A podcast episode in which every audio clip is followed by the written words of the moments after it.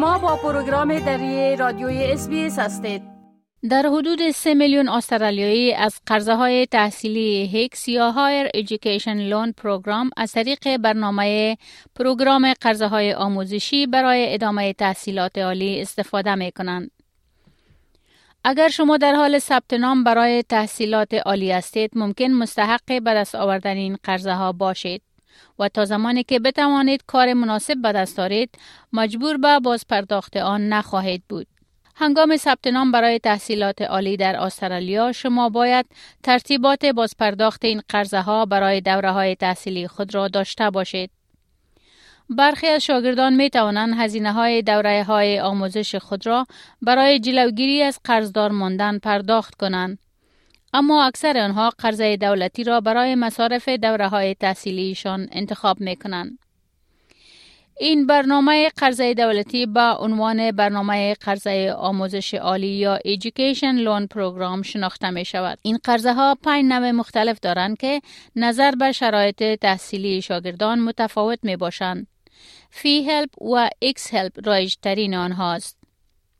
با گفته استفنی ستارکول سخنگوی وزارت آموزش و پرورش برای واجد شرایط بودن شما باید با یک اداره آموزش کامنولت که از این برنامه ها حمایت می کند ثبت نام کنید. A Commonwealth supported place known as a CSP, this is where a student enrolls at a university and the government pays a subsidy directly to the university so the overall cost of the course for the student is reduced. However, a student would still need to cover some of the cost of the course and that's where a help loan becomes important because if they're eligible, then they could take out a help loan to cover that remaining amount. قرضه های هیکس به مصارف تحصیلی شما کمک می کند اما در قسمت کرایه خانه و دیگر مصارف کمک نمی کند. واجد شرایط بودن برای قرضه هیکس هلپ و یا فی هلپ مربوط به این است که شما در کجا تحصیل می کنید. you would apply for one or the other depending on your enrolment. They both help a student pay for a higher education course, but a HEX help loan can be used where you're enrolled in the CSP and a fee help loan can be used if you're enrolled in a full fee paying place, which is a non subsidised place at a university in Australia. یکی از مزایای برنامه های هیکس هلپ یا فی هلپ این است که با دسترسی به این قرضه های تحصیلی یک محصل مجبور نیست پول کورس خود را از قبل بپردازد. اگرچه همه شاگردان واجد شرایط به دست آوردن این قرضه ها نیستند زیرا این بستگی به شرایط شهروندی و نوع ویزه اقامت آنها دارد.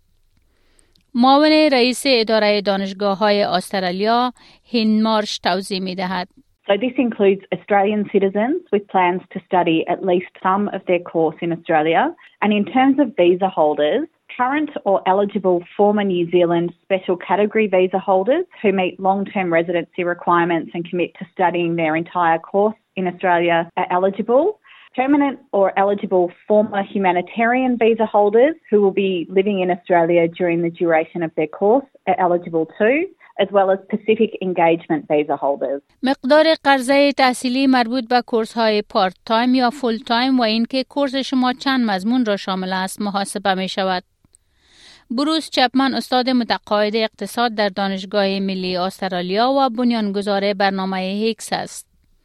او می‌گوید هزینه ها به صورت سالانه محاسبه نمی شوند بلکه به اساس مزامین کورس محاسبه می شوند. هرچی مزامین بیشتری را انتخاب کنید به قرضه بیشتر ضرورت دارید. هنگامی که به پرداخت قرضه خود آغاز می کنید مقدار قرضه شما محاسبه می شود. قرضه شما تا زمانی که کار پیدا نکنید دست نخورده باقی می ماند. هنگامی که کارفرمای شما مالیات بر درآمد را از حقوق و دستمزد شما پرداخت می کند، یک مقدار بیشتر برای باز پرداخت قرضه تحصیلی شما محاسبه می گردد. پروفسور چپمن می گوید So if you enroll in a degree, you might do four units in first semester. and each of those units will cost a certain sum of money and you'll incur a debt which is the total of all of them. So one year, to illustrate, might cost you 3000 but if the next year you only take one course, then your debt would only increase by about, you know, $500 or something. توانایی بازپرداخت قرضه شما مشروط به درآمد شماست و همانطور که میدانیم درآمد هر کس متفاوت است. همانطور که پروفسور چپمن اشاره می کند این قرضه ها مانند قرضه های بانکی نیستند. Bank loan, everybody has to pay a particular amount of money every month and it's interest rate adjustments and it's all very clear how long it takes. With HEX debt, some people will repay if they've got very high incomes in about five years and some people won't pay until they leave the labour force. So it's very, very diverse. But the median time to repay an average kind of debt would be about 10 years. چی اتفاقی میفتد اگر کشور را ترک کنید؟ در این صورت قرضه شما از بین نمی رود. اگر شما برای مدت طولانی در خارج از کشور زندگی کنید، حکومت باید قرضه دانشجویان استرالیایی را جبران کند. محدودیت های در میزان قرضه که یک دانش آموز می تواند جمع آوری کند در وبسایت استادی ذکر شده است. اگرچه شما مجبور به پرداخت قرضه خود نیستید تا زمانی که به آستانه درآمد برسید مهم است که توجه داشته باشید که قرضه شما می تواند افزایش یابد ستیفنی ستاکل هشدار می دهد This is to keep up with changes in the cost of living, and it means that a help debt can grow over time. And the rate of indexation that is applied to a debt changes each year as it's based on the Consumer Price Index. قرضه های HECS یا Higher Education Loan Program یک خصوصیت برجسته دارد که آن را از قرضه های تحصیلی برای محصلین خارجی مجزا می سازد.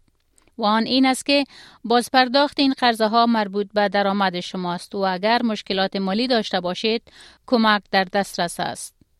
If people are in trouble, they lose their job or they're ill or they're looking after an aged parent or a newborn child, they don't have to worry about repaying because the government will collect it later if their financial circumstances improve. اطلاعات بیشتر در مورد کمک های حکومت برای تامین هزینه تحصیلات عالی خود را در وبسایت studyassist.gov.au پیدا کرده می توانید.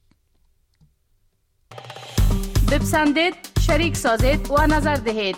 اسپیس دری را در فیسبوک تعقیب کنید.